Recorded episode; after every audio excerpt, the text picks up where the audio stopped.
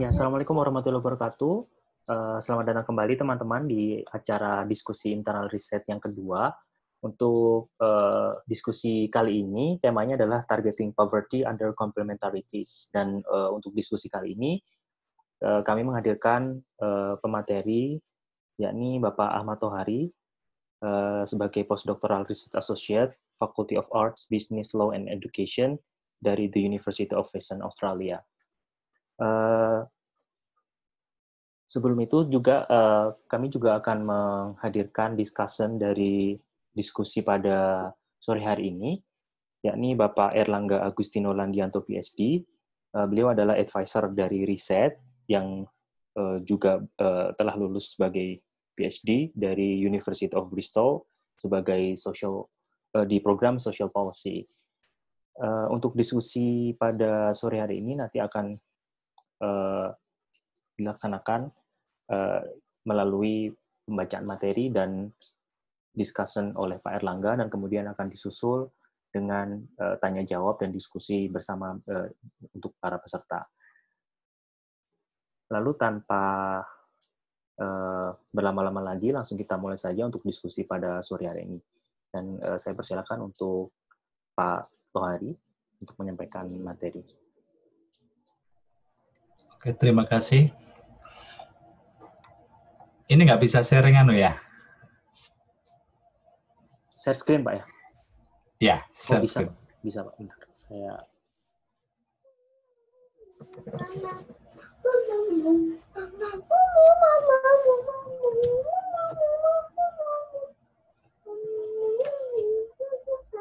Sudah, Pak.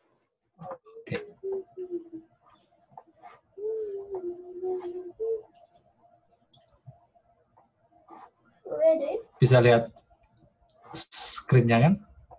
Bisa, Oke. Okay. Ya, pertama-tama terima kasih. Assalamualaikum warahmatullahi wabarakatuh. Uh, jadi paper ini adalah chapter pertama tesis PhD saya yang sudah lama banget.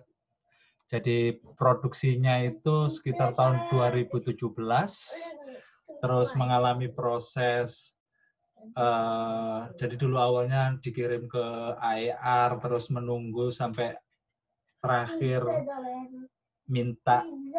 Jadi karena kita tidak bisa memenuhi sharing data regulation akhirnya ya itu kita nggak consider lah. Maksudnya karena menggunakan data yang menurut saya memiliki nilai potensial yang tinggi untuk digunakan riset-riset selanjutnya. Jadi akhirnya kita uh, kirim ke Jurnal Development Economics dan ya seperti saudara-saudara sekalian bisa lihat bahwasanya paper ini sudah terbit.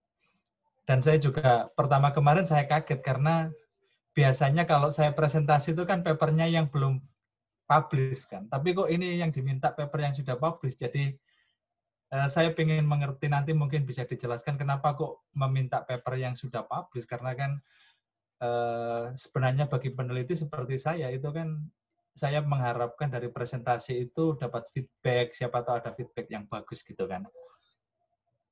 Oke, kalau tentang paper ini sebenarnya idenya itu sangat simpel jadi kan kita tahu semua tuh kalau di negara berkembang itu menerapkan atau mengimplementasikan program kemiskinan itu kan tidak hanya satu. Jadi kalau kita di Indonesia, apalagi pada kondisi-kondisi tertentu, kita akan mengetahui bahwasanya pemerintah itu menerapkan contohnya raskin, BLT, jam kesmas, PKH gitu kan. Nah, program komplement seperti itu itu memang bagus. Jadi itu adalah kalau dalam bahasa uh, poverty alleviation literature itu memang diharapkan program itu jumlahnya banyak, jadi mengcover multidimensi dari kehidupan rumah tangga miskin sehingga pada akhirnya dapat memberikan kontribusi positif atau lebih dikenal dengan big push. Jadi mereka mendorong orang-orang miskin itu agar secepatnya keluar dari kemiskinan. Nah, tapi masalahnya ada salah satu komponen penting dalam pelaksanaan penanggulangan kemiskinan itu adalah bagaimana memilih orang miskin itu yang dalam literatur dikenal dengan poverty targeting. Nah, implementasi program sudah berjalan maju tadi itu, tapi evaluasi sistem pentargetan itu masih berjalan pada kondisi seakan-akan program itu diimplementasikan satu-satu. Jadi misalkan kalau saudara membaca literatur tentang kemiskinan di Indonesia, kan eh, kan itu apa jadi evaluasi targeting itu kan BLT, Raskin, PKH gitu-gitu kan. Tapi satu-satu.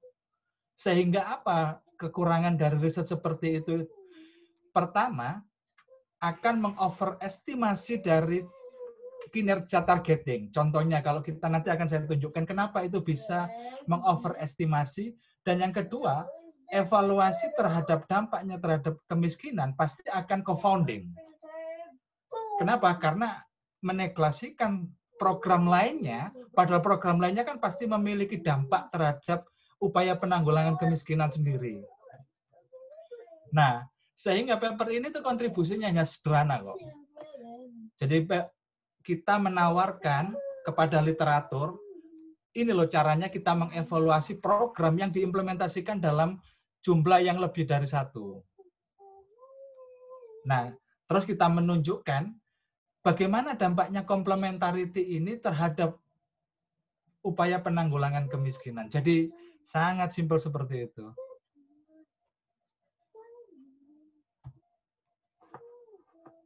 Ah, kenapa nggak bisa jalan?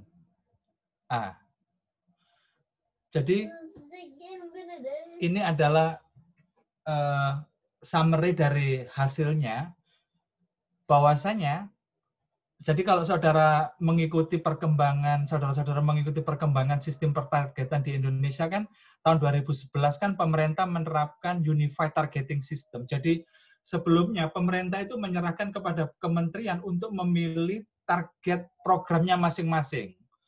Jadi tidak ada dulu itu, jadi Jamkesmas Kementerian Kesehatan memilih sendiri. Terus Raskin, Kemenkukesra memilih sendiri kalau ada BLT, Bapenas memilih sendiri. Lah, pada tahun 2011, itu pemerintah mengimplementasikan apa yang disebut basis data terpadu atau Unified Targeting System. Lah, untuk mensupport riset ini, jadikan ini teoretikal nih. Untuk mensupport teori ini benar nggak sih? Akhirnya kita menggunakan setting itu. Jadi bagaimana transisi dari targeting yang dulunya itu satu-satu ke unified targeting system apakah ada perbaikan. Jadi seperti itu. Jadi dapat diketahui bahwasanya upaya pemerintah untuk mengimplementasikan unified targeting system itu meningkatkan probability orang miskin untuk menerima tiga program. Jadi tidak hanya satu, tiga program meningkat sebesar 117 persen dan peningkatan itu berimplikasi terhadap peningkatan mereka peningkatan sebesar 30 percentage point uh, kesejahteraan mereka yang diukur dari uh, konsumsi per kapita. Ah, ini. Jadi institutional background-nya adalah kalau kita mengikuti perkembangan upaya penanggulangan kemiskinan di Indonesia, jadi kemis penanggulangan kemiskinan di Indonesia itu kan mulai tahun 1997. Jadi setelah krisis, pemerintah menerapkan jaring pengaman sosial. Jadi pada saat itu sudah dikenalkan adanya Raskin. Jadi pemerintah mengimplementasikan Raskin, terus kemudian tahun 2005 dan 2008 pemerintah kembali merubah desain dan menerapkan BLT. Jadi makanya di 2005 dan 2005 ada kita kenal BLT kan dulu yang banyak gegeran, banyak kantor kepala desa dibakar gitu kan. Nah, tahun 2011 atau saya kategorikan sebagai third generations itu pemerintah sudah mulai menerapkan basis data terpadu atau unified targeting system. Jadi semua program penanggulangan kemiskinan targetnya adalah harus bersumber dari data ini. Jadi tidak ada ceritanya kementerian punya program terus um, menentukan target sendiri gitu. Jadi mulai generasi ketiga inilah pemerintah menerapkan satu satu database untuk semua target uh, program-program penanggulangan kemiskinan. Nah, ini sekilas tentang data tersebut. Jadi data tersebut itu sebenarnya mengcover sampai 40% penduduk Indonesia termiskin by name by address. Jadi semua orang miskin di Indonesia di situ itu ada namanya dan alamatnya. Itu penting. Kenapa? Karena targeting itu kan butuh alamat dan butuh nama. Kalau sebelumnya, sebelum ada targeting, biasanya kan pemerintah wis menyerahkan kepada uh, pemerintah desa wis pilihan wis tak kasih duit pilihan gitu kan. Lah kalau ini sudah ada by name by address. Nah, sementara untuk program kemiskinan yang komplement itu adalah 25% terbawah. Jadi di penduduk paling miskin 25% terbawah ini secara teori harusnya mendapatkan raskin, BLT, dan jam kesmas. Jam kesmas itu sampai 40 persen, nearly 40 persen. Nah, di sinilah uji testing teori ini bisa jalan nggak gitu. Karena di sini ini kan harusnya semua orang miskin kan dapat 100% nih. Jadi tidak peduli dia jadi eh, dia orang miskin yang berada di daerah ini harusnya kan juga dapat BLSM atau BLT atau Raskin dan Jamkesmas. Selama ini kita kan tidak pernah melihat tuh benar nggak orang miskin tuh dapat ketiga-tiganya? Jadi kan misalkan penelitiannya Mbak Vivi gitu kan itu kan biasanya Raskin atau BLT gitu kan. Terus penelitiannya Spero, jam kesmas gitu. Itu bagi saya tidak bisa menggambarkan kinerja targeting secara keseluruhan. Jadi kita butuh suatu alat yang bisa memotret sebenarnya sistem targeting ini jalan nggak sih untuk program-program dengan nature yang kayak gini nih? Lah ini KPS mungkin saudara ingat tahun 2013 pemerintah menerapkan kart, uh, mem, memberikan kartu perlindungan sosial kepada orang miskin yang diikuti dengan BLSM. Jadi ini kan sekilas saja karena saudara pasti mengikuti ini kalau yang sering membaca media nasional gitu kan lah. Ini sederhananya, sederhananya kontribusi terbesar dari paper ini itu sebenarnya di sininya ini. Jadi sebelumnya makanya kalau saudara membaca papernya kan saya list itu hampir semuanya mulai dari Economic Journal, American Economic Review, QGE, semuanya itu menggunakan instrumen ini. Dan ini hanya berlaku untuk pemerintah yang menerapkan satu program. Jadi ada exclusion error, ada inclusion error, yang ini benar kan, yang kaya harusnya dicoret, yang miskin harusnya masuk, gitu kan. Satu kan, Nah, pertanyaannya, bagaimana kalau programnya itu tiga kayak di Indonesia? Ini kan nggak bisa jalan nih. Gimana ceritanya gini bisa untuk mengevaluasi kita ngomong, oh targeting pemerintahnya jalan bagus, nggak bisa kan? Karena kan harusnya orang miskin di Indonesia itu kan harusnya menerima tiga program gitu loh. Nggak hanya satu. Kalau kita lihat satu-satu, bisa jadi orang yang misalkan kayak tetangga saya gitu menerima BLT, tapi tidak menerima raskin atau menerima BLT tapi tidak menerima jam kesmas gitu kan. Artinya kinerja targeting secara keseluruhan itu kan tidak bisa digambarkan hanya dengan menggunakan satu metrik seperti ini. Sehingga metrik itu yang saya bongkar. Jadi saya gunakan tiga komplement seperti ini. Jadi kalau pada sistem targeting sebelumnya, kalau menerapkan dalam teori probabilistik itu kan under unconditional probabilistic theory, which is dalam kasus ini tidak jalan kan? Karena kan harusnya conditional. Dia juga menerima raskin dan menerima BLT dan menerima jam kesmas atau secara keseluruhan kan? Jadi dari metrik ini kita bisa menghitung kan apakah sistem targeting ini jalan nggak gitu. Nah, jadi membacanya kan gini. Could you please sign please? Nah, dari matrik tersebut akhirnya kan bisa diturunkan menjadi di breakdown menjadi kriteria yang seperti ini kan.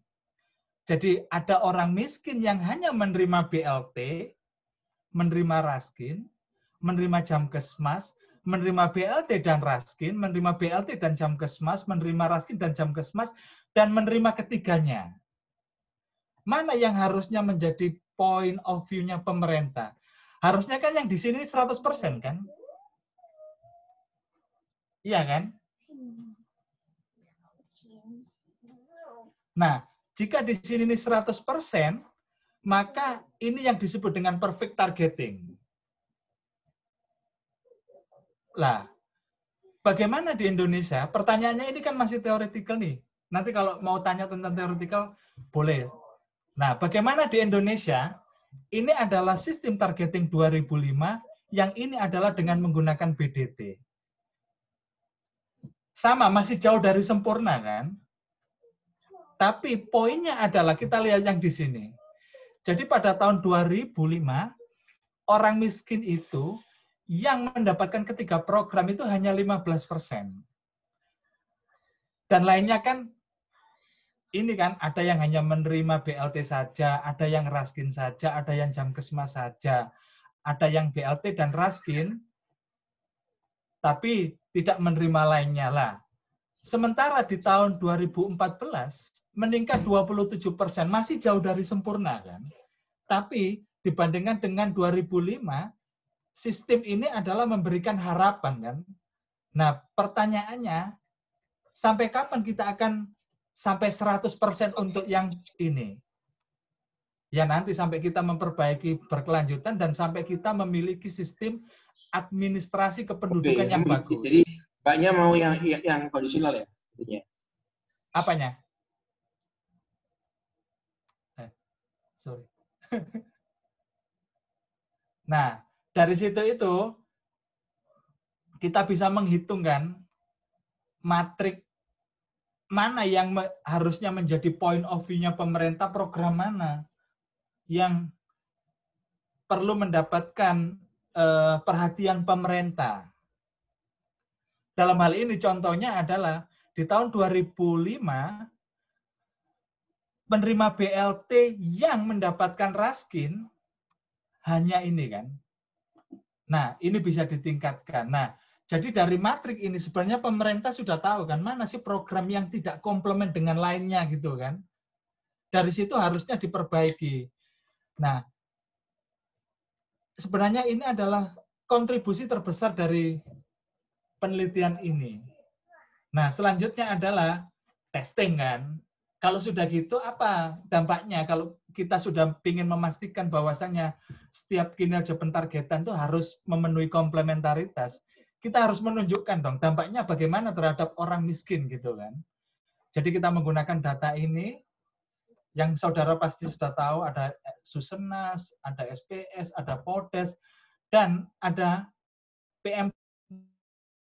Jadi PMT ini digunakan untuk mempredik kondisi karena kan tidak ada data panel kan. Jadi kita butuh kondisi pre-treatment. Jadi dengan menggunakan PMT ini kita bisa mengestimasi kan bagaimana sih kondisi gambarannya itu kita memotret kondisi orang miskin yang pada tahun 2014 ini menerima BLT dan Raskin atau jam kesmas kondisinya pada tahun 2011. Jadi ini mempredik kondisi orang-orang miskin dengan menggunakan PMT yang digunakan oleh pemerintah untuk mengetahui kondisinya pada tahun 2011. Estimation strateginya adalah karena kan ini sulit nih, pasti unobserved. Jadi pertanyaannya kan, apakah ada tendensi orang-orang yang menerima tiga program itu berbeda? Kita nggak tahu kan. Apakah yang satu program itu uh, yang satu program itu berbeda, kita nggak tahu juga. Makanya waktu dulu berdebat dengan salah satu referinya AER, dia kan ini harusnya pakai instrumental variable karena nggak bisa saya jawab nggak bisa. Bagaimana instrumental variable? Apa instrumennya? Kan nggak ada. Makanya yang paling make sense pada saat itu adalah yang menggunakan matching. Jadi matching di sini adalah karena kita nggak mengetahui kan, jadi apa sih yang menyebabkan orang-orang miskin itu kok menerima tiga, menerima dua, menerima satu, atau tidak menerima? Sehingga kita hanya tahu ini kan, distribusinya itu kayak gini loh. Oh, jadi kan ada orang yang menerima semua program, ada yang tidak menerima. Jadi tapi mereka beririsan. Sehingga dari distribusi yang seperti ini kita meng, kita menggunakan penyesuaian. Oh, jadi di matching diambil uh, orang-orang yang hanya beririsan saja. Jadi orang yang dalam satu grup. Intinya cuma seperti itu. Nah, setelah kita estimasi dengan menggunakan matching dan hasilnya seperti ini. Jadi kan kalau di papernya kan panjang, tapi saya tunjukkan yang ini aja. Jadi membacanya adalah ini adalah benefit terhadap per kapita expenditure dari kelompok grup yang menerima tiga program dikurangi dengan kelompok grup yang tidak menerima. Kalau di papernya kan ada yang itu, yang terakhir ada kombinasi dua satu itu. Jadi on average mereka lebih baik sekitar 30 persen stage point. Dan ini robust dalam menggunakan kalau ini menggunakan matching yang menggunakan metode inverse probability weights. Kalau ini double robust jadi sudah menggunakan inverse probability, sudah menggunakan weight, tapi juga dikontrol dengan sejumlah variabel, dan ini menggunakan control function yang di uh, di propose oleh Heckman. Jadi on average kita bisa melihat bahwasanya estimasi ini kan konsisten pada level 33 40 persen. Jadi kita menyimpulkan bahwasanya orang miskin yang menerima tiga program dibandingkan dengan orang yang tidak menerima program, peningkatan konsumsinya mengalami peningkatan sebesar 30 percentage point. Nah, ini robustness-nya, ini adalah menggunakan poverty gap. Jadi ini adalah kedalaman kondisi orang miskin terhadap garis kemiskinan. Kalau yang tadi itu kan harusnya ditingkatkan kan, tapi kalau ini harusnya dirapatkan. Makanya jadinya itu hubungannya itu menjadi negatif sekitar 3 percentage point lah, which is besar banget. Karena kita paling sulit itu adalah bagaimana kita menurunkan gap posisi orang di bawah garis kemiskinan agar mereka itu mendekat ke garis kemiskinan kan. Sehingga kita kasih big push lagi mereka meloncat ke atas garis kemiskinan. Nah, kalau ini extension, jadi dulu setelah referee-nya AER minta, coba kalau dicek dengan, uh, kalau tadi kan single, bukan multiple kan, modelnya itu model single kan. Terus ini bagaimana kalau dicek secara simultan, modelnya menggunakan model simultan, hasilnya juga nggak terlalu berbeda kan. Jadi hasilnya juga sekitar 30 persenan gitu kan. Which is artinya apa? Ini adalah robust gitu. Nah, dari situ itu akhirnya kita confidence bahwasanya pemerintah di negara berkembang harus memastikan bahwasanya program diimplementasikan secara komplement dan memastikan bahwasanya sistem pentargetan adalah mencapai komplementaritas itu agar orang miskin itu menerima tidak hanya satu program, dan sampai sekarang kan kita nggak tahu di Indonesia apakah evaluasinya sudah sampai seperti itu karena saya sudah lama tidak bergelut di dunia kemiskinan, jadinya saya nggak tahu.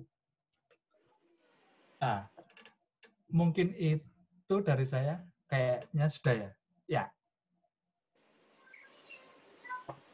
Ya. Mungkin kalau ada pertanyaannya. Ya, terima kasih untuk Pak Tohari uh, atas pemaparan yang luar biasa. Jadi nggak kerasa ya sudah sudah 20 menit. Nah, uh, selanjutnya uh, saya persilakan untuk Pak Erlangga selaku discussion untuk menyampaikan reviewnya. Sharingnya, screen sharingnya masih di Apple. Uh, Pak Tohari.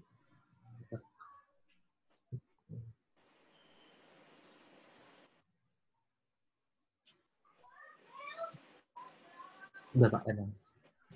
Ya, oke. Okay. Oke, saya share screen ya. Mohon izin. Oke, bentar, bentar.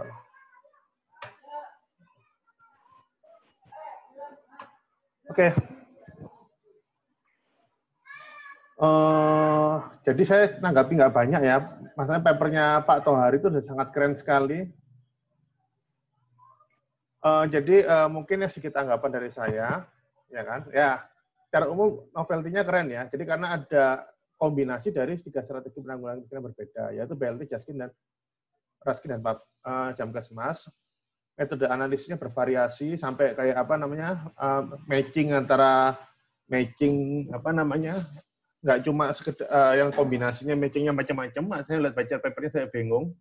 Jadi uh, kombinasinya itu banyak sekali. Nah, terus juga uh, ada upaya untuk melihat individual impact dari dan uh, impact yang combine dari beberapa intervensi. Jadi itu menarik. Nah, ini gede nomor ya. Nah, uh, rekomendasinya pun juga menarik. Jadi melihat komplementaris dari program itu. Nah, cuma apa ya?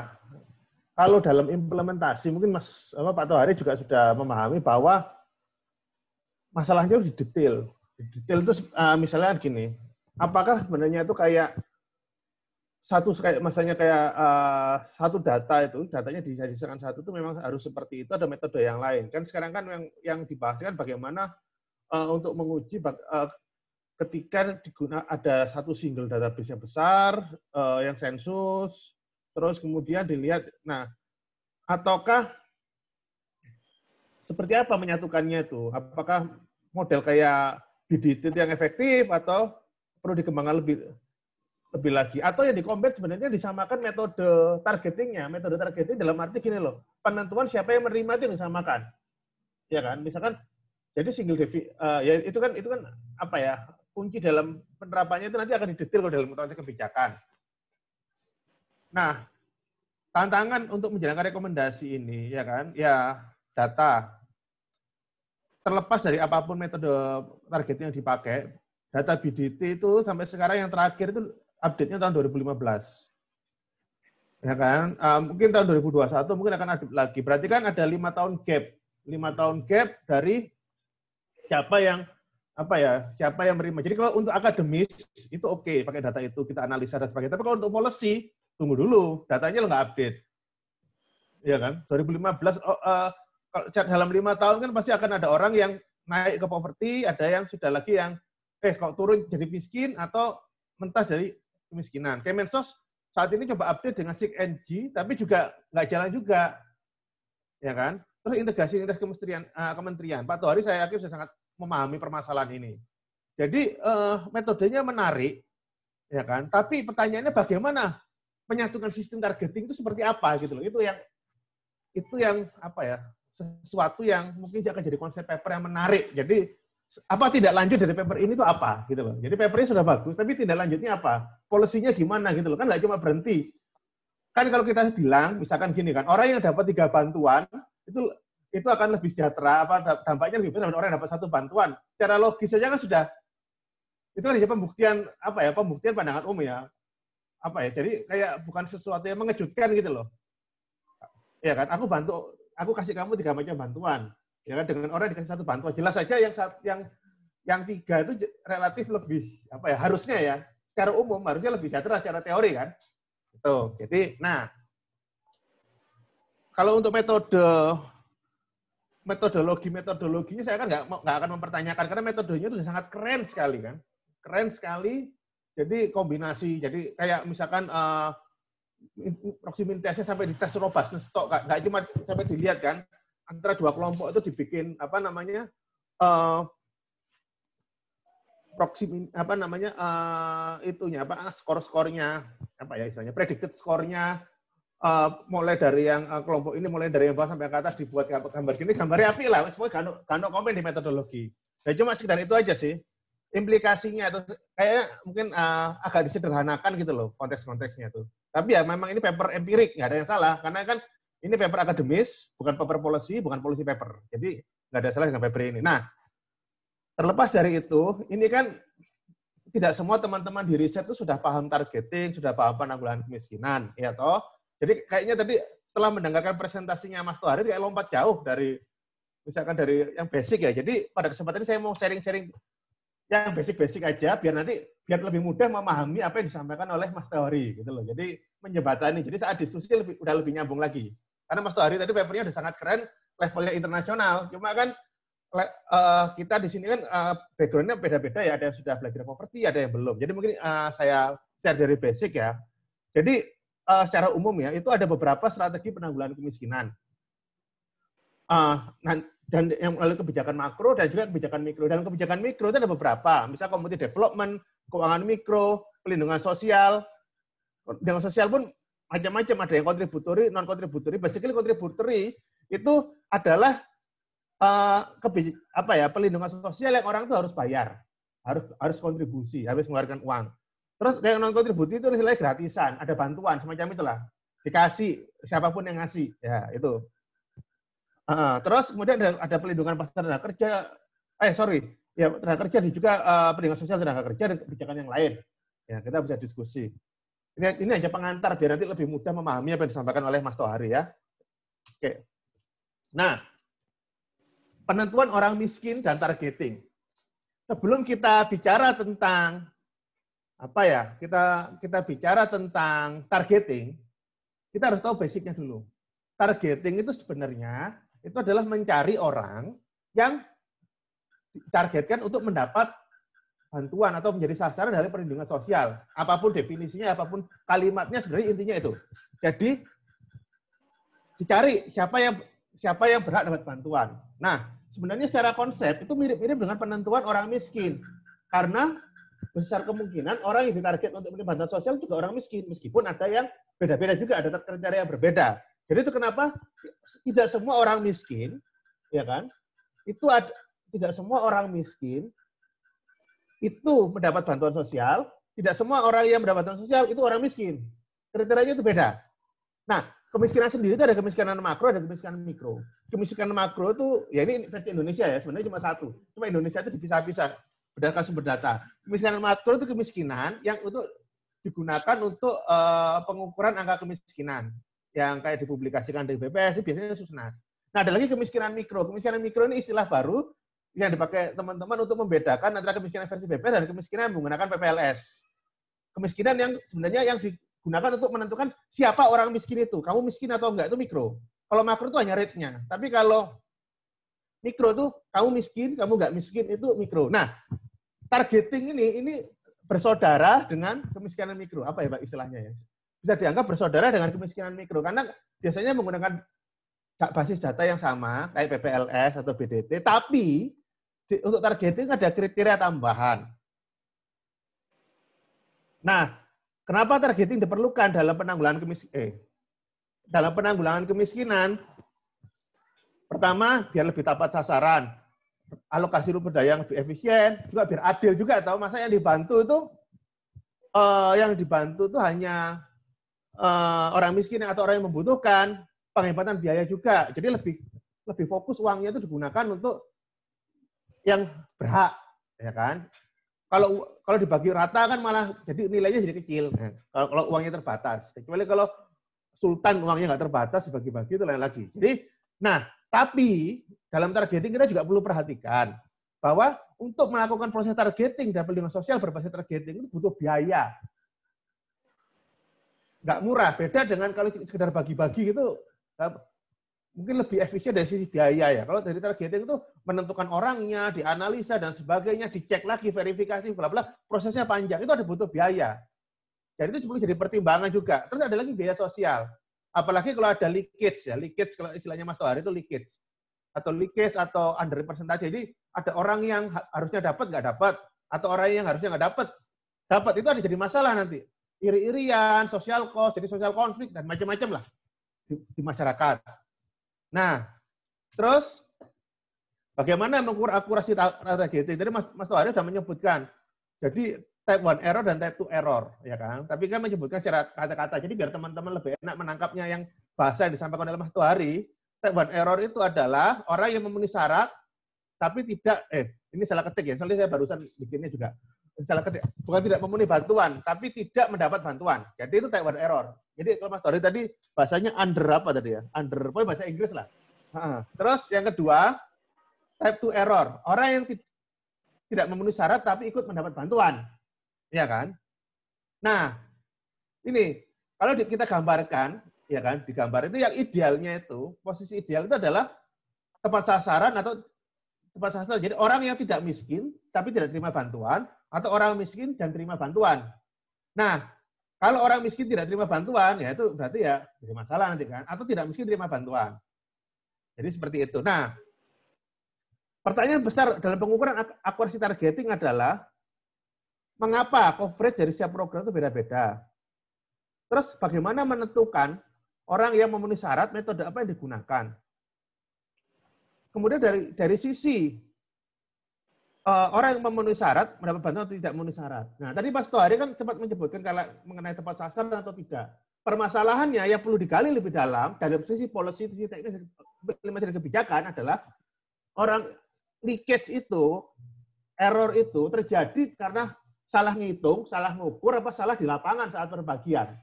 Karena kan kalau dari kuesioner-kuesioner pengumpulan data kan pertanyaan masih simpel. Anda pernah dapat raskin, Anda pernah dapat ini, pernah dapat ini. Tidak ada semacam evaluasi menyeluruh sebenarnya itu bottleneck-nya itu di mana? Di, di metodologinya atau di lapangannya itu nggak terlalu dalam seperti itu. Nah, itu jadi isu juga. ya. Oke. Kenapa program penanggulangan kemiskinan bisa memiliki mekanisme targeting yang berbeda? Pertama, konsepnya itu beda-beda. Bisa juga, itu konsep yang dipakai itu beda-beda. Ya, ini nggak harus kemiskinan. Konsep kemiskinan atau vulnerability apa pun itu beda. Indikatornya juga beda-beda. Anggarannya juga beda. Nah, kenapa anggaran penting? Kadang-kadang kebijakan itu bukan bukan dari metodologi, tapi duit itu bisa untuk orang berapa.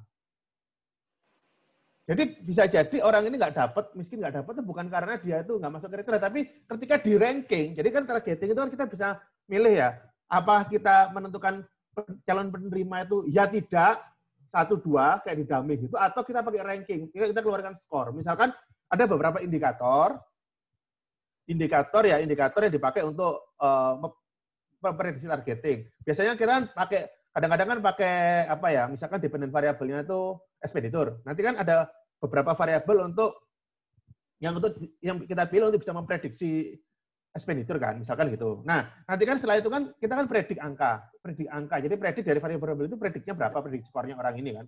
Nah, ketika kita predik, ya kan, kita kita predik kan nanti keluar skor. Keluarnya itu ranking, bukan kamu miskin atau nggak miskin. Nah, akhirnya anggarannya berapa, terus di ranking berdasarkan anggaran itu, gitu. Jadi bukan kayak orang baris kemiskinan itu enggak, anggarannya berapa terus di ranking ya itu uang yang dikasih ya itu yang sesuai dengan ranking itu. Ranking pun bisa beda-beda.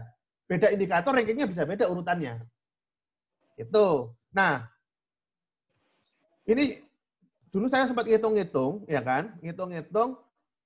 Ini untuk kemiskinan anak sih beberapa metode ya kan beberapa metode yang beda-beda itu irisannya itu kecil ini tadi lupa apa namanya yang di tengah-tengahnya irisannya lupa nggak tak masuk sekitar tiga persen lah Ya kan? Jadi irisannya itu kecil. Metode beda, yang miskin beda. Jadi akhirnya kan ketika kita bicara, oke, okay, targeting adalah masalah metodologi. Tidak selalu. Targeting adalah masalah filosofi juga. Masalah kebijakan. Siapa yang diprioritaskan? Karena sebelum kita ngomong indikator atau kita ngomong yang cacing-cacing, yang statistik dan sebagainya, ketika kita menentukan awal variabelnya apa yang mau dipakai, apa yang mau kita lihat, itu akan menentukan sekali sebelum kita turunkan di data dan sebagainya. Filosofi, uh, terus apa ya prioritas itu siapa itu juga pengaruh ketika menyusun set variabel awal. Karena kalau setelah bermain dengan data itu kan tergantung dari variabel awal awal yang ditentukan kan untuk targeting itu. Jadi seperti itu. Oke, bagaimana dampak intervensi penanggulangan kemiskinan dapat diukur itu ada beberapa ya non eksperimen, kuasi eksperimen, eksperimen. Tadi yang dimaksud oleh Mas Tohari yang dipakai itu adalah kuasi eksperimen itu proxy, uh, proxy min test, eh, kok proxy min test, uh, property score matching, sorry, salah salah ngomong nyampur. Uh, property score matching, eh, sorry, tadi itu hari itu matching apa proxy mirip-mirip gitu lah. Uh, ya, uh, kayaknya kayaknya itu yang dipakai adalah proxy uh, proxy min, uh, sorry, pro, propensity scoring matching, kayaknya, ya, ya kan. Hmm. Sorry hat, mau, jadi cepet-cepetan, anu, ya, tapi kayaknya itu. Nah, ada lagi namanya itu different different. Different different itu kayak itu kalau bisa kalau panel data. Ada lagi itu yang namanya kalau itu apa itu namanya kayak gini terus patah itu pokoknya ada yang namanya discontinuity, ada gini terus patah gini loh. Regression discontinuity itu apa itu? Pokoknya ada beberapa metode itu ada macam-macam. Kalau eksperimen itu itu menggunakan randomisasi ya. Randomisasi dalam arti seperti ini. Jadi uh, kontrol dan trial itu di set sejak awal, kontrol group sama trial group itu nggak bisa kalau program sudah berjalan. Yang bisa adalah untuk testing program yang belum berjalan didesain dari awal gitu loh. Jadi di dulu siapa yang siapa yang akan uh, jadi control group, treatment group dengan secara random. Tujuannya apa? Untuk menyamakan uh, untuk menyamakan karakteristik, uh, untuk untuk membuat asumsi bahwa karakteristik kelompok grup dan treatment group itu sama sejak awal desain. Beda dengan kuasi eksperimen. Kalau di kuasi eksperimen, treatment sama kontrol itu beda karakteristik. Nah, tujuannya apa? Dipakai metodologi untuk buat pesudu sama, pesudu sama. Istilahnya gini loh, biar kelihatan agak-agak mirip-mirip sama kayak apakah dari karakteristik sama terus pakai di matching cari yang sama-sama atau yang di matching itu propensity score-nya gitu loh. Propensity score-nya di matching. Ya kan? Atau dari baseline sama endline terus di compare baseline endline-nya control group treatment group ya kan? Nah, kalau kayak different different itu nggak akan bisa sulit untuk uh, digunakan untuk menganalisa multi multi intervention kayak dipakai oleh Mas Tuari. Jadi Mas Tuari makanya itu sudah sangat tepat sekali pakai uh, propensity score itu gitu loh. Tadi aku salah ngomong ya awal-awal harusnya propensity score bukan uh, proximity test akan kebalik-balik. Oke. Okay. Jadi itu ya uh, yang menarik ya kombinasi dari beberapa penanggulangan kemiskinan itu kompleks. Jadi kan jadi tabelnya dari Mas Tori tadi menarik. Jadi kan Mas Tori kan uh, membuat tabel yang cantik. Jadi siap exclusionnya apa, inclusionnya apa dari masing-masing intervensi. Kemudian ada irisan-irisannya juga dampak dari masing-masing intervensi, kemudian dampak kombinasi, ya kan? Jadi uh, itu menarik sekali. Nah, kompleksitas seperti ini itu juga sering muncul dalam kegiatan humanitarian. Humanitarian kayak di pos, uh, kayak di pasca tsunami di Aceh itu. Uh, wangel itu apa evaluasi dampaknya. Karena banyak aktornya, intervensinya juga macam-macam. Akhirnya sudah nggak pakai gitu-gituan. Pokoknya dilihat meningkat, kita jangan lihat sumbernya dari mana atau enggak. Jadi kadang-kadang juga enggak robas. Gitu loh. Tapi ya gimana lagi? Intervensinya ratusan, ribuan mungkin intervensinya. Ya kan? Ya, itu agak berbeda. Jadi kompleksitasnya adalah ketika intervensinya makin banyak akan makin rumit. Itu yang metode dipakai oleh Mas Tohar itu. Jadi uh, sekian dulu dari saya. Nanti kalau ada yang kurang jelas, silahkan. Jadi tujuan saya presentasi agak banyak ini untuk pengantar biar lebih enak mendiskusikan apa yang disampaikan oleh Mas Tohari. Ya, terima kasih.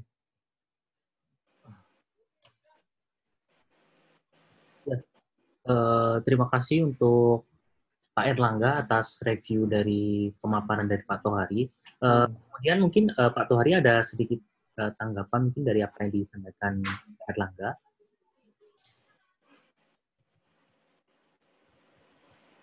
Oh, maksudnya saya harus menanggapi gitu.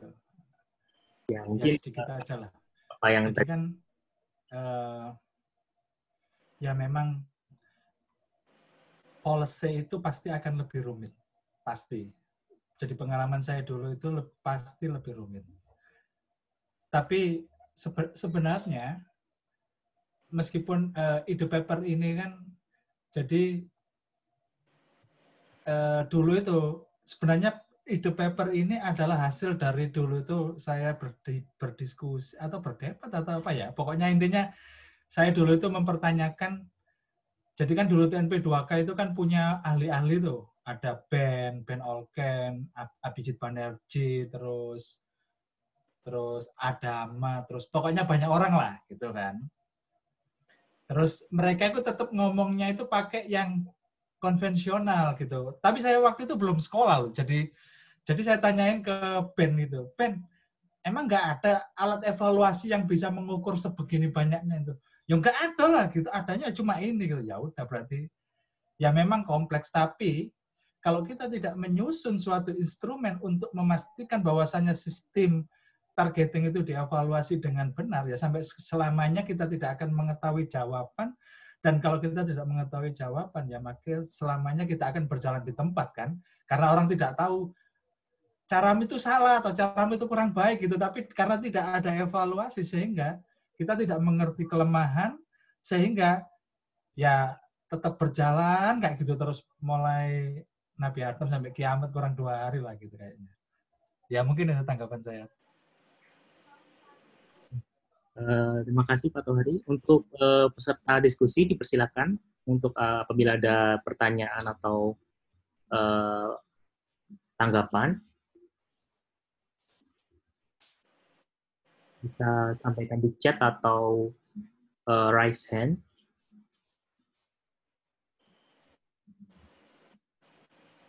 Gimana?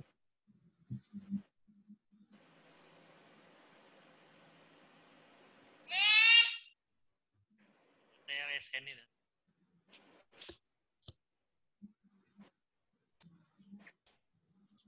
Halo? Halo, boleh nanya? Oh iya, Pak Pak Said. Said. Ya, silakan. Untuk Pak Said. Ya. Ano, Assalamualaikum. Mas Sohari, ano, apa? Oke. Itu, uh, Waalaikumsalam. ya, suara saya udah masuk. Suaranya kecil. Ya, bentar, bentar. Yes. Boleh.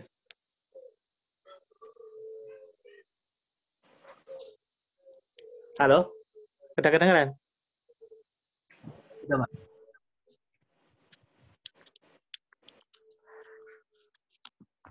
Saya tak coba ganti headset saya.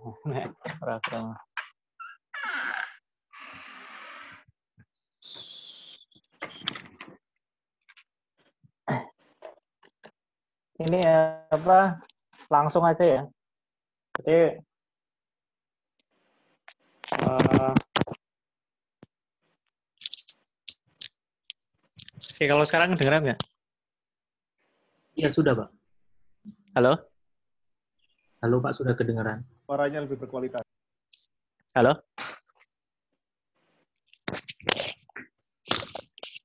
Oke, wis krungu.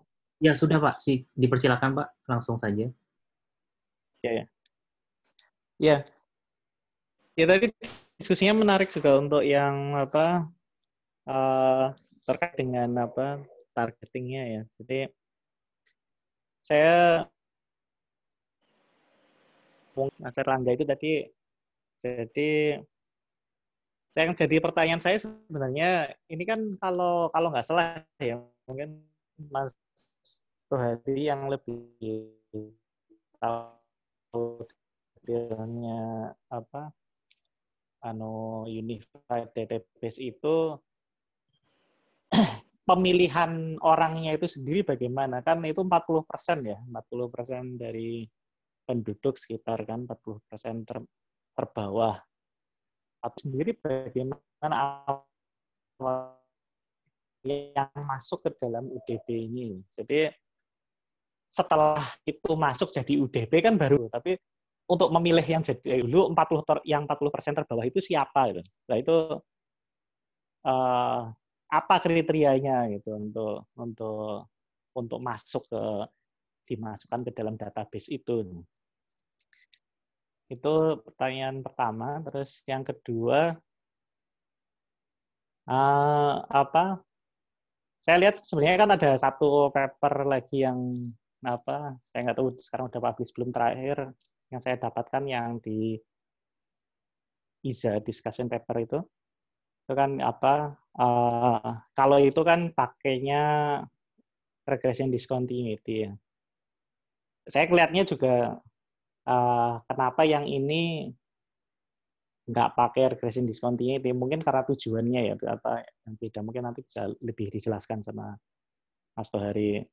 Karena ya maksudnya saya melihat ada apa sih kayak sebenarnya kalau dari sisi sampai sudah tahu spesifik skor P, apa koefisien segala macam bisa mereproduksi skor PMT itu kan uh, kalau itu sekedar akhirnya untuk memprediksi lagi propensity score itu kan kayak ya maksudnya menurut saya sih di apa ya ya ya sayang aja maksudnya karena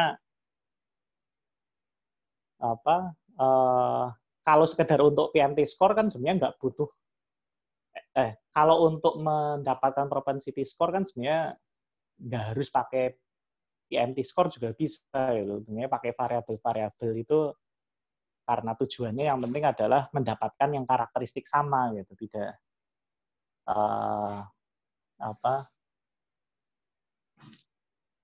uh, ya karakteristik sama dan kemudian punya peluang yang uh, mendekati. Memang sih uh, memang dijelaskan di paper itu kalau ketika menggunakan PMT score memang kemudian apa common supportnya lebih besar ya. Cuma itu juga jadi pertanyaan sebenarnya apa ketika common supportnya semakin besar itu kan artinya ada orang-orang yang mirip gitu PMT skornya sama tapi kemudian yang satu dapat satu tidak itu kan malah jadi pertanyaan itu berarti malah itu menunjukkan ada bahwa PMT score ini ternyata tidak cukup bagus untuk memisahkan orang yang antara dapat dan tidak. Nyatanya orang kok banyak orang yang sama-sama skornya sama tapi yang satu apa mendapat dan satu tidak itu malah malah jadi ter saya kira itu terungkap dari ketika melihat komen supportnya besar itu. Nah itu sebenarnya menarik itu apa yang diskusinya dengan yang AR itu review AR itu gimana? Maksudnya uh, ya mungkin nggak tahu apa mau mengungkapnya atau nggak usah kok sam, akhirnya sampai tidak setuju apa reviewernya itu apa ini ya dan apa pertimbangannya gitu mungkin apa uh, ya mungkin mungkin gitu lah saya kenapa kemudian memutuskan ini. Saya saya lihat sih memang ya memang ada tujuan dari sisi karena ingin membandingkan banyak program gitu ya. Tapi saya lihat kan ada seperti yang paper satunya juga sebenarnya di persentase tertentu gitu kan di skor tertentu itu ada cut off untuk program tertentu gitu. Jadi uh, kan sebenarnya artinya di tiap program itu ketika cut off-nya berbeda bisa bisa mengukur sendiri-sendiri gitu.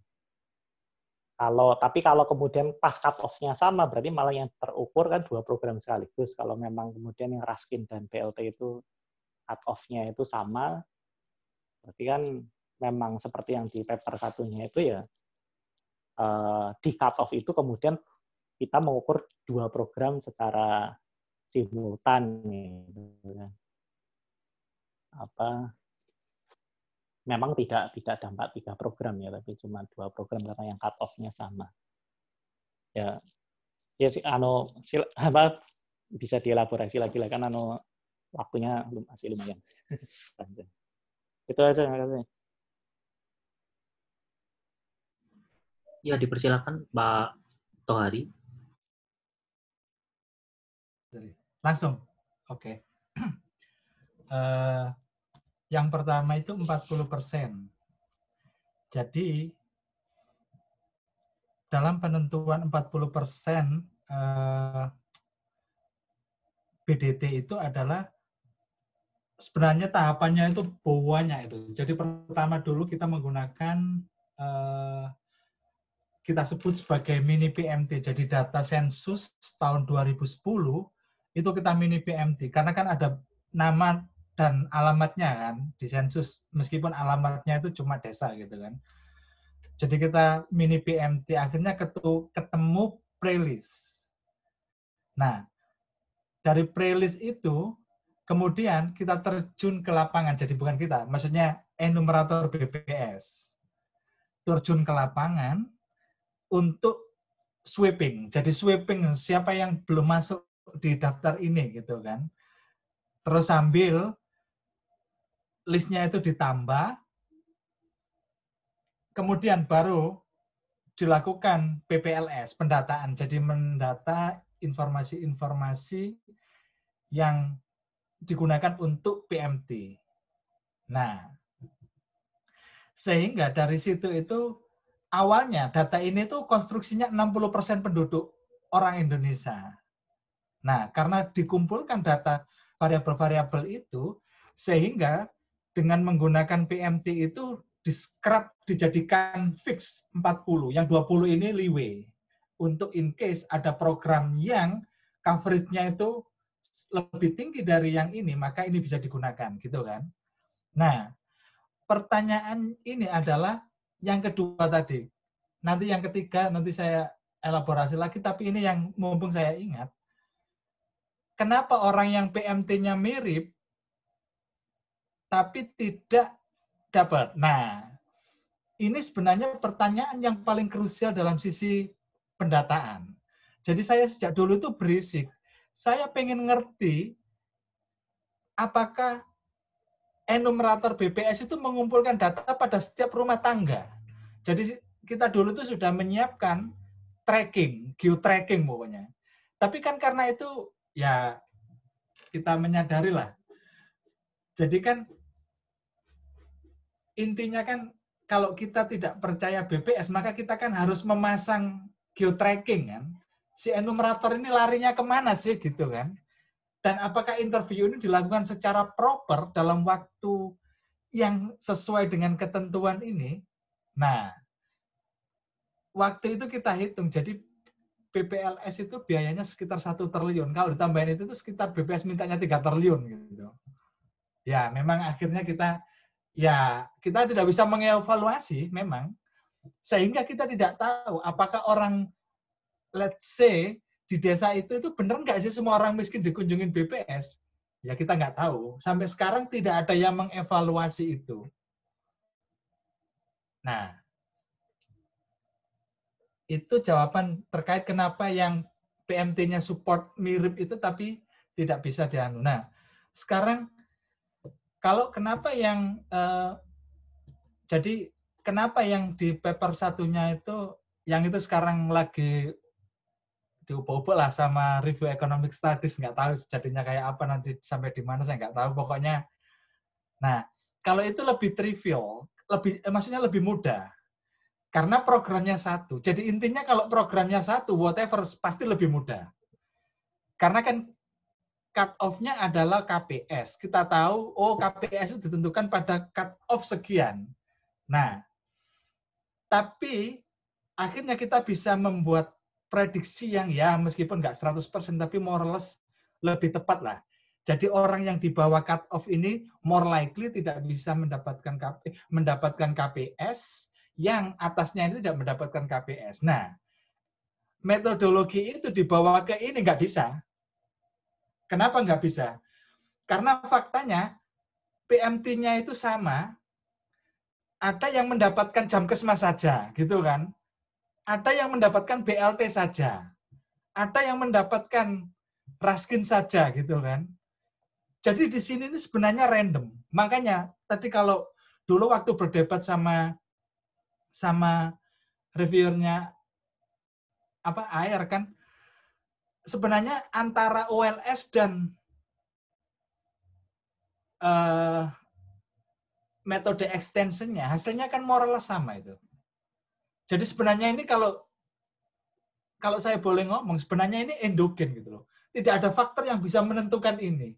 Selain kita tahu bagaimana sistem pentargetan di bawah, maksudnya itu sistem collecting datanya BPS itu dilakukan dengan precise. Kita baru bisa menjelaskan, oh ternyata orang yang menerima satu ini. Nah, yang lebih rumit lagi adalah dulu, meskipun kalau sekarang kan sudah diganti BPNT kan, dulu Raskin, decision orang yang menerima Raskin itu tidak, meskipun datanya itu kalau kita lihat, datanya itu kan tergantung BDT tuh oh di desa ini ada 500 orang yang menerima raskin. Tapi 500 orang itu ditentukan oleh kepala desa. Kenapa? Sebenarnya bukan salah, tapi ini adalah kelemahan dari raskin dulu kan. Jadi raskin itu kan berasnya didrop di kantor kepala desa kan. Nah, kepala desanya yang membagikan ini dengan biayanya sendiri. Jadinya orang yang menerima raskin sendiri, kalau BLT kan jelas tuh, BLT kan dikasih KPS, dikasih kartu, orang yang menerima harus datang ke kantor pos.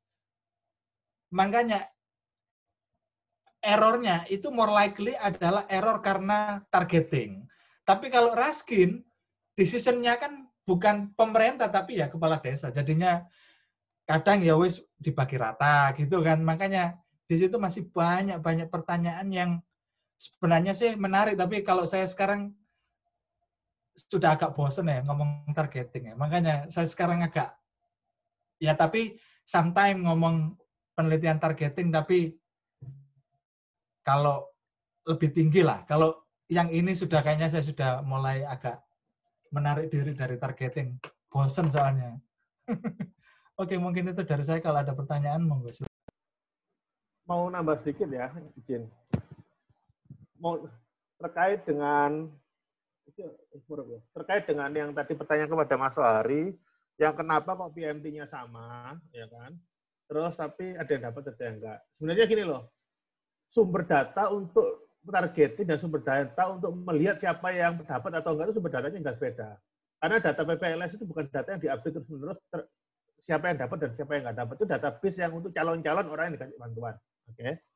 Jadi uh, angka PMT yang muncul di sumber data PPLS di run pakai sumber data yang untuk evaluasi bisa beda. Gitu loh. Jadi kan yang untuk evaluasi biasanya susunas kan, siapa yang dapat nggak dapat. Sementara ini, jadi kita perlu punya persepsi yang sama bahwa untuk membutuhkan PMT untuk targeting itu basisnya adalah BDT atau PPLS, data sensus. Sementara nanti evaluasi pakai susunas. Belum tentu angkanya sama, orangnya orangnya sama, belum kalau misalnya orangnya sama ya, misalnya orangnya sama, belum tentu skor individunya itu sama karena nanti kan ada karena kan ketika di run menjadi model, koefisiennya itu beda meskipun variabelnya sama. Jadi seperti itu diran lagi pakai PNT. Jadi itu bisa beda. Yang kedua, seperti yang kita diskusikan tadi saya sampaikan juga, ketika kita bicara targeting untuk cell protection, ketika dievaluasi, orang tuh hanya dijawab, kamu dapat ini atau enggak? Itu aja kan? Yang ditanya itu dia nggak akan tahu skornya berapa dan sebagainya. Yang tahu adalah orang yang analisis di data. Nah, ketika kita bicara seperti itu, ketidak tepat sasaran itu bisa ada dua hal. Salah ngitung atau salah salah dalam pembagian. Gitu loh. Jadi kan jadi kita ketika ada ada targeting yang nggak tepat sasaran, kita belum tentu bisa langsung adjust. Ini targetingnya salah. Belum tentu juga. Bisa jadi targetingnya salah, tapi atau yang salah itu adalah di distribusinya. Karena kan yang karena kan itu kan yang ditanya kamu dapat atau enggak, enggak enggak kan apa responden itu enggak tahu menau asalnya dari mana atau anu enggak tahu menau gitu loh dia miskin atau enggak menurut pemerintah dia juga belum tentu tahu gitu loh. Kecuali kalau orang benar-benar dapat kartu miskin. Ya kan? Atau atau kartu perlindungan sosial. Di luar itu dia nggak tahu statusnya berapa, skornya berapa dia nggak tahu. Jadi seperti itu. Uh, jadi sedikit tambahan aja. Uh, Oke, okay, makasih. Ya, uh, terima kasih untuk Pak Erlangga. Untuk peserta diskusi yang lain, mungkin uh, ada tanggapan atau pertanyaan? Saya boleh tanya nggak? Ya, silakan, Mas. Mas Ya, uh, makasih teman-teman. Uh, makasih Mas Tuari, Mas Rangga atas sharingnya. Uh, saya juga udah lama nggak bergelut sama yang kemiskinan atau targeting ini.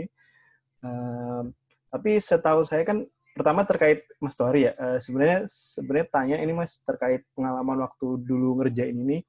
Kalau dulu kan pernah bilang bahwa sebenarnya paper saman yang pertama ini udah separuh jalan sebelum berangkat. Nah, uh, seberapa banyak uh, peran supervisor sampai di S3 di di UI sekarang ini mempengaruhi hasil akhirnya gitu.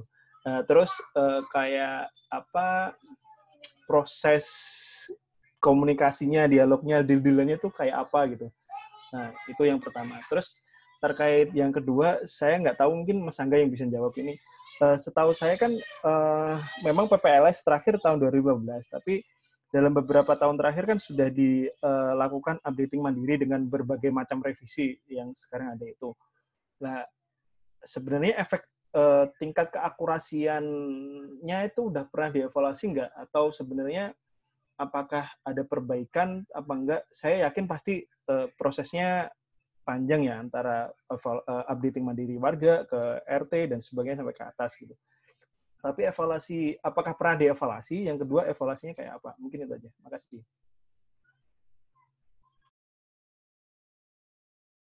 Ya, silakan untuk Pak Tohari. Oh, saya dulu. Jadi gini, Jar. Jadi kan eh, sebenarnya saya dulu tuh mau sekolah S3 kan dulu kan sering cerita, sering cerita ke kamu kan. Saya malas soalnya ngomong poverty targeting gitu kan. Jadi riset saya dulu itu sebenarnya pengennya itu chat labor. Mungkin kayak risetnya Mas Angga itu ya. Tapi saya dulu itu memutuskan pindah karena ada salah satu dosen di Mones itu yang ngomong kalau publish di jurnal kelas GDI, jurnal ekonometrik gitu itu sulit gitu. Maksudnya itu mau saya bantah, publish kayak gitu aja sulit gimana ceritanya gitu kan. Maksudnya kan bukan saya dulu kan idealis tuh, pengennya kan masa sih sekolah dokter tiga tahun publish satu artikel di jurnal sekelas gitu uh, sulit gitu loh. Lah akhirnya saya putuskan saya pindah aja karena supervisor saya dulu itu kan Lisa kan. Lisa Cameron itu orang yang salah satu well recognized people yeah. di bidang kemiskinan di Indonesia lah. Hmm. Nah, akhirnya saya memutuskan sudahlah saya cari supervisor mediocre gitu kan. Nah, kebetulan dulu saya tanya Mas Rumaya, Mas ada nggak orang di situ yang ngerti Indonesia aja, nggak usah karena yang kita butuhkan adalah kalau saya dulu berangkat sekolah dokter itu yang saya butuhkan adalah orang yang bisa membaca paper saya itu bisa dibaca orang native enggak itu aja. Ya itu kontribusinya. Jadi dulu itu sampai di review IR itu ada satu kalimat yang referennya itu marah-marah. Jadi salah. Maksudku itu apa gitu, tuh generalize apa gitu. Tapi aku itu menggunakan kalimat yang salah Sampai yeah. itu tuh referennya marah-marah kan. Gimana sih ceritanya? Sudah baca paper teoretikanya kan panjang tuh. Terakhir kan harus di closing kan. Lah, closingnya itu salah. Makanya akhirnya, nah sejak itu supervisorku sebelumnya nggak pernah baca kan. Jadi spotnya pas gitu kan. Hmm. Submit IR gitu kan lah. Setelah itu sekarang baru akhirnya setelah itu membacanya agak lebih detail, pelan-pelan ditanyain maksudmu kayak gini dah gitu maksudmu kayak gini ta gitu. Makanya kan ya bahasa Inggrisnya kan kalau dibandingin yang paper kedua ketiga kan jauh lah bahasa Inggrisnya. Kalau ini kan bahasa Inggris kelas orang Indonesia itu kalau yang paper kedua ketiga kan sudah dieskalasi agak lebih tinggi sedikit lah bahasa Inggrisnya gitu kan. Gitu, Car. Iya, Mas. Makasih, Mas. Ya, Pak Erlangga. Oke, makasih. Oke, makasih buat Mas Wajar atas pertanyaannya. Jadi gini, uh, ada beberapa memang ada beberapa inisiatif uh, mandiri ya untuk mengupdate data mandiri. Pertama itu dulu di TNP2K ada namanya MPM. MPM. MPM itu mekanisme pemutakhiran mandiri. Jadi ada ada proyeknya sendiri. Nah, cuma itu kan itu kan kayak piloting. Belum selesai pilotingnya sudah di stop. Maksudnya belum selesai baru beberapa wilayah di stop. Jadi beberapa wilayah update stop. Jadi ya kita bisa bayangin aja kualitas datanya. Terus yang kedua, di Kemensos ada namanya 6NG. 6NG itu SIKSNG, jadi Sistem Informasi Kesejahteraan Sosial New Generation, di bawah Pusdatin. Nah, Pusdatin itu, itu lembaga di Kemensos nggak punya kaki ke bawah. Akhirnya update-nya juga mandiri. Dari kabupaten-kabupaten ada yang ngirim, ada yang enggak. Ya kan? Kita nggak usah ngomong di level kabupaten ada daerah ngumpulin enggak. Kabupaten itu loh tidak semuanya ngumpulin. Nggak usah ngomong jauh-jauh tentang kualitas. Kualitas itu dalam arti kualitas persentif dalam apa dari coverage saja itu banyak nggak ngelaporkan ya kan baru sekarang kelabakan kemarin karena ada kasus covid baru datanya perlu data yang sudah update kan sebelum sebelum ini kayak santai kayak nggak terlalu karena apa kan kadang kan ada namanya tuh mekanisme gini ya pelap mekanisme bisa mekanisme mandiri di masing-masing bantuan sosial mereka akhirnya mereka tuh kayak bikin mini mini BDT sendiri. Mini BDT itu dalam arti seperti ini. Datanya tuh mereka ngambil BDT, UDP, terus nanti kalau ada komplain, komplain itu kayak macam aku nggak dapat dan sebagainya, mereka bikin verifikasi sendiri, data ditambahkan sendiri gitu loh. Jadi itu ini agak menjauh dari apa yang diimpikan oleh Mas Tohari ada satu data yang unified. Itu sekarang tuh mereka jadi kayak kayak misalkan PKH itu datanya ditambah-tambah sendiri belum tentu terintegrasi ke data induknya juga kalau ada update. Nanti ini datanya itu ada tambah-tambah sendiri gitu. Jadi kan datanya dari TNP dikirim dari sana tuh di manage sendiri sama timnya jadi agak kayak fragmented jadi dari satu induk satu mbok-mbokan datanya akhirnya jadi kayak beranak-beranak tapi beda-beda versinya gitu. Yang di Kemensos juga gitu, update juga update-nya nggak masuk ke TNP. Terus ketika di ke TNP, TNP juga nggak percaya dengan hasilnya. Terus nanti dari TNP juga gitu, dari Kemensos. Jadi kayak nggak apa ya terpisah-pisah. Padahal induknya satu PPLS. Itu kenapa kemarin uh, tahun 2019 itu sempat saya ada meeting, ada wacana mau ada PPLS 2021 setelah sensus. Setelah sensus mau ada PPLS lagi. Itu saya sudah nggak nangani itu kan, sudah maksudnya nggak udah nggak bergelut di situ, nggak tahu kabar terakhirnya gimana gitu. Apakah akan jadi PPLS lagi atau enggak? Jadi, kalau datanya bagus, nggak mungkin lah sampai harus PPLS lagi. Kalau datanya bagus. Nah, terkait dengan laporan, itu juga saya pernah lihat beberapa laporan. Jadi cuma laporannya itu ya nggak terlalu jauh tentang kualitas ya. Meskipun ada beberapa teman, beberapa teman yang memang uh, teman bahkan teman dari alumni UNER juga yang bilang bahwa ini kualitasnya gini, kualitasnya gini. Karena mereka melakukan pengecekan mandiri, tapi mungkin belum tentu terpublish ya. Dan juga ada kayak spot check, spot check juga diimplementasi di spot check SOP, spot check uh, data yang masuk dan sebagainya. Itu ada scattered report atau pengakuan dari orang yang olah data ya memang datanya bermasalah semua gitu loh. Jadi seperti itu. Ya, makasih. Ya, terima kasih untuk Pak Erlangga. Uh, untuk peserta yang lain, bersilakan.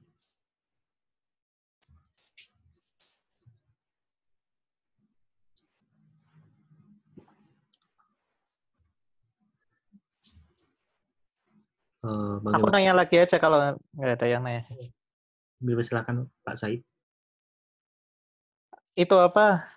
Uh, uh, uh, Pak Mas Angga itu bisa elaborasi yang dari apa risetnya itu yang apa uh, yang pakai pendekatan berbeda kemudian irisannya ini itu apa aja pendekatan apa aja yang kemudian menghasilkan irisan uh, ya gitu yang target yang berbeda dan irisannya cuma sedikit itu bisa di ini kalau kalau mungkin lebih panjang lagi ya dibikin sesi diskusi terpisah bisa singkat kalau yang saya pakai tadi yang saya tunjukkan gambarnya tadi itu sebenarnya bukan targeting, tapi penentuan orang miskin. Jadi siapa yang miskin berdasarkan tiga metode yang berbeda. Nah, tapi kalau untuk targeting yang berbeda, itu kalau nggak salah Vivi Alatas sama orang Bank Dunia itu pernah bikin. Mereka meng-compare uh, community based targeting sama targeting apa. Pokoknya ada laporannya kok. Bank Dunia itu pernah bikin uh, compare beberapa targeting bedanya seperti apa, diskrepensinya seperti apa, ya kan? Jadi combine antara community base yang kayak saran komunitas kayak kesepakatan gitu dengan targeting yang model dari driver dari data. Itu sudah eh, ini pernah ada. Uh, pernah yang punya punyamu sendiri aja enggak? Yang apa? Yang Kalau punya aku sendiri bukan ya? targeting itu. Kita tunjukkan ya. Uh, oke. Okay. Kecil tadi gambarnya mungkin karena aku lihatnya di layar HP. Oh, oke, okay, kita ya dijelaskan ya. aja. Uh, yang ini aja ya. Oke. Okay. Uh, uh, izin share screen ya. Uh, yang ini tuh uh, apa ya? Ini sebenarnya ini ada angkanya juga irisan-irisan. Pokoknya irisan itu kecil. Ini anak yang miskin berdasarkan kemiskinan moneter dengan anak yang miskin bisa absolute deprivation relative deprivation itu beda. Yang irisannya kecil ini ada tapi kayaknya kehapus. Uh, jadi ini ada. Terus kalau kita lihat lebih detail di anunya di tabelnya itu proporsinya pun beda-beda proporsinya. Nah, ketika kita pakai namanya itu sensitivity, predictive value dan sebagainya itu ya itu beda-beda juga gitu loh. Terus ini juga beda kayak ini ROC ROC skornya itu ya biasanya dipakai uh, uh, dipakai oleh teman-teman kesehatan. Jadi semakin tinggi makin eh, spesifik. Jadi uh, saya bikin kayak latent variable itu sebagai baseline-nya dari tiga variabel itu. Intinya beda lah. Jadi jadi kenapa saya memahami bahwa yang dimaksud Mas Tawari itu beda karena gini loh yang Mas Tori kan cerita kan, ini ini coverage-nya beda-beda. Wong kemiskinan aja pakai berapa konsep variabelnya beda itu beda diukurnya, gitu loh.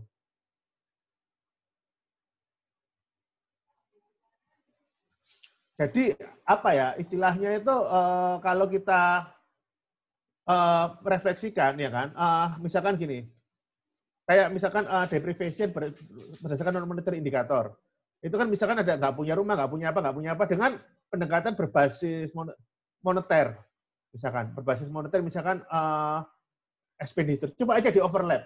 tabulasi biasa kan kelihatan bedanya. Ya kan, dari kita aja beda. Nah, nah kalau mau di- ditindaklanjuti sebenarnya dari orang penerima-penerima itu akan menarik kalau di apa ya dieksplor kondisi, kondisi sosial ekonomi dari penerima-penerima itu. Apa sih perbedaan karakteristiknya? Kalau tadi Mas Tohari kan tadi kan dia kan dianalisa se- sedemikian rupa sehingga disamakan karakteristik dari penerima dan tidak penerima di masing-masing itu. Jadi di masing-masingnya karakteristiknya disamakan.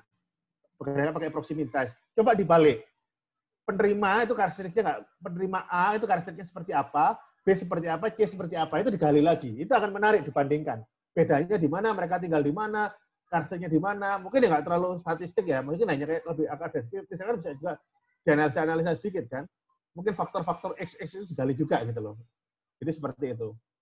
Nah di- mungkin mungkin juga bisa dibandingkan juga dengan angka kemiskinan. Angka meskipun nggak terlalu nggak terlalu anu, nggak terlalu apa namanya nggak terlalu persis ya. Jadi eh, antara targetnya dan kemiskinan. Kan kalau di sosial kita kan bisa ngeliat keluarkan expenditure, kita keluarkan, dari keluarkan itu kita cocokkan garis kemiskinan, dia tuh miskin nggak miskin. Nah, ini di overlap, terima nggak terima, miskin nggak miskin, terus karakteristik individunya dilihat. Itu juga menarik untuk diekspor. Jadi, jadi itu, ya, maka- Eh, kita masih ada 9 menit. Dipersilakan untuk peserta yang lain. Apabila ada eh, tanggapan atau pertanyaan.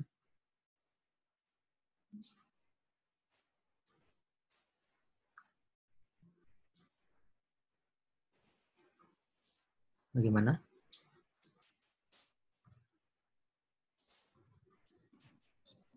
Mas, tanya Mas. Ya, dipersilakan, Mas Tegar. Assalamualaikum, Mas Tolari, Mas Erlangga. Ah, Mau tanya, eh, tanyanya cemen sih sebenarnya, tapi kebetulan kemarin waktu tesis juga mainan ginian.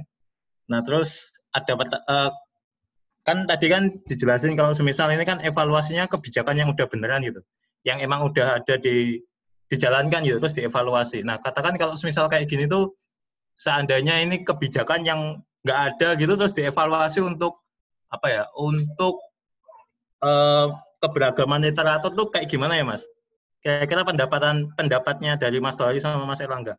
Jadi misal kayak yang saya ini masih cemen-cemen gini, tapi pengen ada ada niat untuk pengen apa ya eh, berkontribusi atau nulis lah, tapi eh, keterbatasan data karena memang akses dan sebagainya, cuman eh, ya itu sih mas, pengen nulis cuman ada terbatas data, terus habis itu mungkin nggak terlalu eh, tahu dalam tentang policy yang ada di pemerintah, jadi sekedar eh, pengen lah gitu, kira-kira gimana mas pendapatnya? Biar nanti misal ada adik-adik yang apa ya tanya mungkin eh, tanyanya ke senior yang lebih dekat gitu, nanti kalau kita udah ngeh gitu kan, nanti bisa disampaikan ke senior yang lebih advance lagi kayak gitu sih. Pengen eh, dapat advice-nya juga mas, gitu. Makasih. Terima kasih, Mas Tegar. Persilakan untuk Pak Tohari. Oh, saya dulu. Oke. Jadi gini ya, kalau saya sih eh, memang penelitian banyak gitu kan, ada kualitatif, ada kuantitatif gitu kan. Tapi kalau saya, sekarang saya ekonomi kan, jadi eh, saya bukan lebih mendewakan kuantitatif ya, tapi saya lebih penelitian itu karena saya dulu itu di kebijakan itu sering kali diomongin kayak gitu. Biasanya ditanya sama Pak Bud gitu kan. Angkanya berapa tuh gitu kan. Signifikan enggak gitu kan. Nah, sehingga saya itu lebih cenderung lebih prefer menggunakan kuantitatif. Nah, pertanyaannya adalah bagaimana sih kalau kita pengen publikasi tapi kita nggak ada data. Jadi kalau saya memang publikasi itu kita ngomongnya grade-grade lah. Jadi kalau saya dulu mungkin karena saya dulu nggak nggak pinter kali ya. Waktu S1 itu kan saya S1 itu kan biasanya bacanya itu kan AER tuh. Makanya sampai sekarang kalau ditanyain tanyain Mas Rumahnya itu mesti kan apa mimpimu gitu. Sampai sekarang mimpi saya itu tetap AER. Meskipun saya sekarang baru tahu kalau AER itu tidak terbaik gitu kan. Jadi kan ada ekonometrika, tapi saya dulu S1 nggak tahu ada ekonometrika. Ada QGI gitu kan, saya nggak tahu ada QGI. Nah, Tapi itu adalah mimpi saya itu dulu terbangun. Jadi terbangun itu sejak saya kuliah S1 itu sudah mengerti lah. Oh, kalau publikasi di jurnal. Tapi saya dulu itu optimis saja. Pokoknya saya harus bisa publikasi eh, publikasi di IR gitu kan. Sampai sekarang saya tetap merintis di sana gitu kan. Masih ya merangkak lah semoga saja ada anu. Nah, dari situ itu ada grade-grade. Jadi kalau biasanya saya sering ngomong di kalau di ekonomi dulu saya nggak pernah diajari gitu kan. Jadinya kalau sekarang saya confident ngajarin gitu kan. Jadi yang pertama itu ada top five atau yang dikenal dengan top tier. Di ekonomi itu ada lima kan.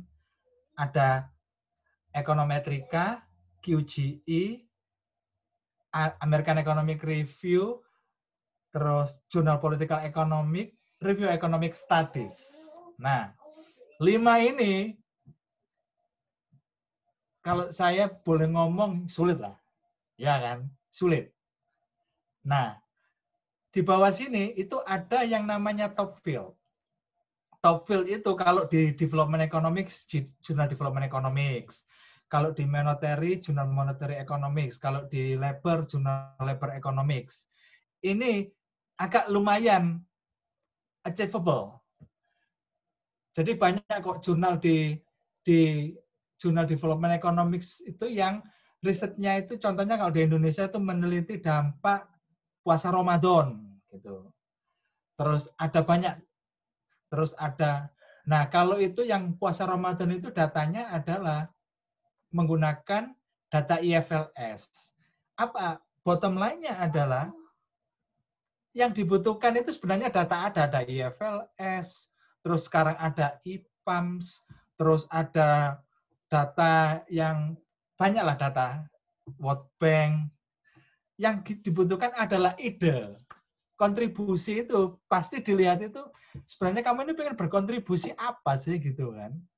Pengen dilihat apanya gitu. Kontribusimu dalam dunia keilmuan ini menambah literatur itu semakin panjang yang dibutuhkan itu adalah kamu membuat branches. Jadi menambah kalau sudah orang ngomong semuanya targeting gitu, jangan di situ. Bosen lah gitu kan. Harus ngomong di sisi area yang banyak tidak dieksplor oleh orang. Nah, di bawah situ banyak lagi jurnal. Jadi intinya adalah ya pertama mimpi. Nah, biasanya kalau riset itu ditargetkan di artinya target itu kita sudah mengerti kan. Jadi kita membaca jurnal itu kan mengerti kualitasnya tuh. Kalau riset itu ditargetkan di top tier, biasanya landed-nya itu top field. Jadi kayak paper saya dulu ini yang pertama ini kan saya nggak ngerti kan.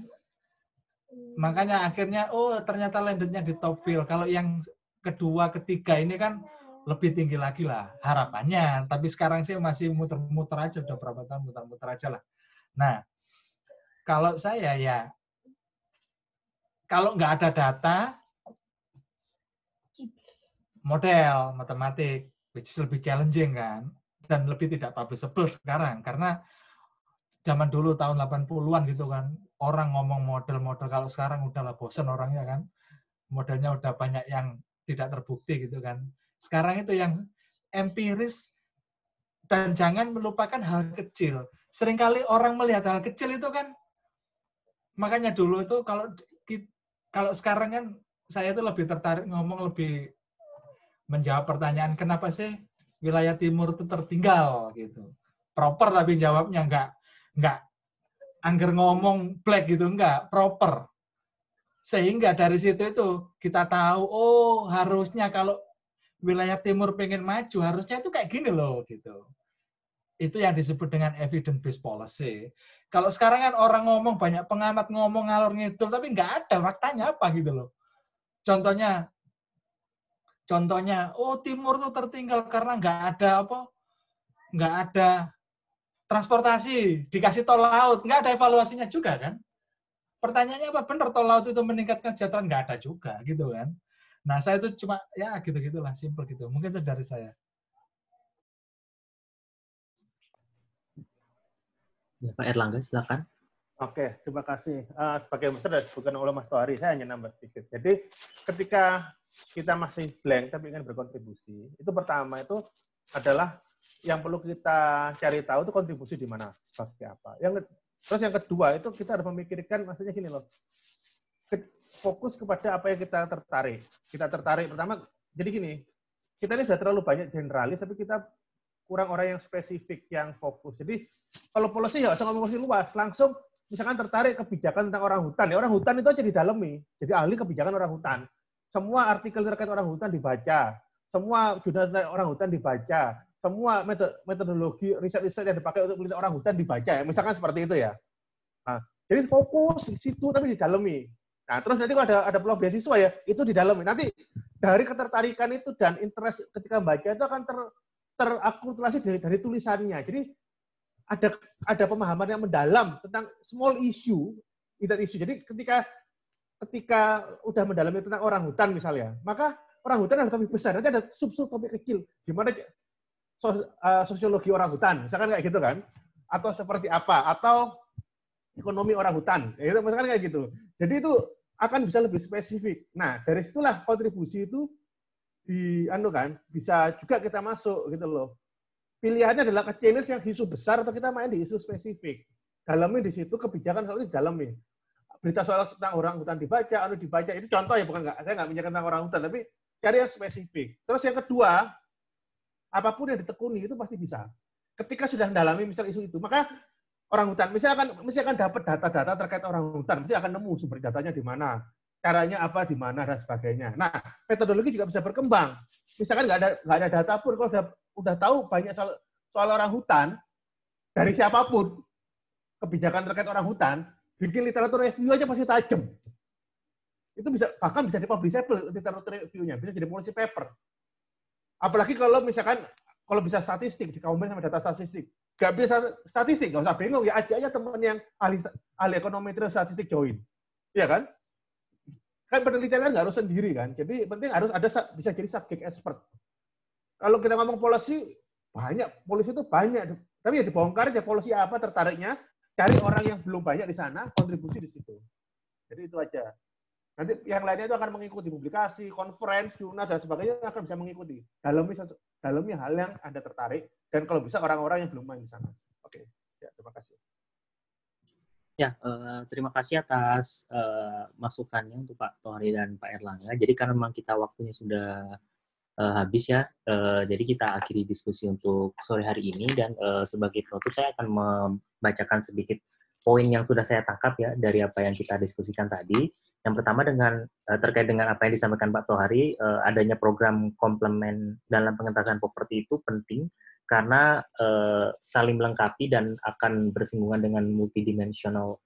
Jadi namun evaluasi yang sekarang ada di beberapa paper itu masih bersifat parsial, jadi nanti akan cenderung overestimate seperti itu. Dan uh, tadi pemaparan dari Pak Erlangga juga menyebutkan bahwa kenapa program penanggulangan kemiskinan bisa memiliki mekanisme yang berbeda, karena memang uh, adanya penggunaan konsep yang berbeda, kemudian perbedaan indikator dan ketersediaan anggaran. Dan yang terakhir adalah terkait dengan uh, possibility to publish untuk teman-teman uh, yang mungkin masih merintis ya. Jadi mungkin adanya yang diperlukan itu ide dan kontribusi yang uh, dibutuhkan dalam penulisan publikasi karena uh, data itu mungkin memang ada semua dan bisa diakses semua gitu ya. Dan yang kedua adalah terkait dengan fokus di mana kita tertarik dan uh, kemungkinan adanya kolaborasi dengan ekspor ataupun teman yang memang memiliki uh, keahlian di bidang tertentu. Ya, uh, demikian untuk diskusi pada sore hari ini. Saya ucapkan terima kasih untuk Bapak Tohari dan Bapak Erlangga yang sudah ber berkenan hadir dalam diskusi internal riset kedua ini dan saya ucapkan terima kasih juga untuk teman-teman yang sudah hadir dalam diskusi kali ini. Uh, sekian untuk diskusi kali ini. Uh, saya tutup. Uh, wassalamualaikum warahmatullahi wabarakatuh. Waalaikumsalam warahmatullahi wabarakatuh. Salam balik ya. Itu ada saya, ada Mega, ada Fajar, ada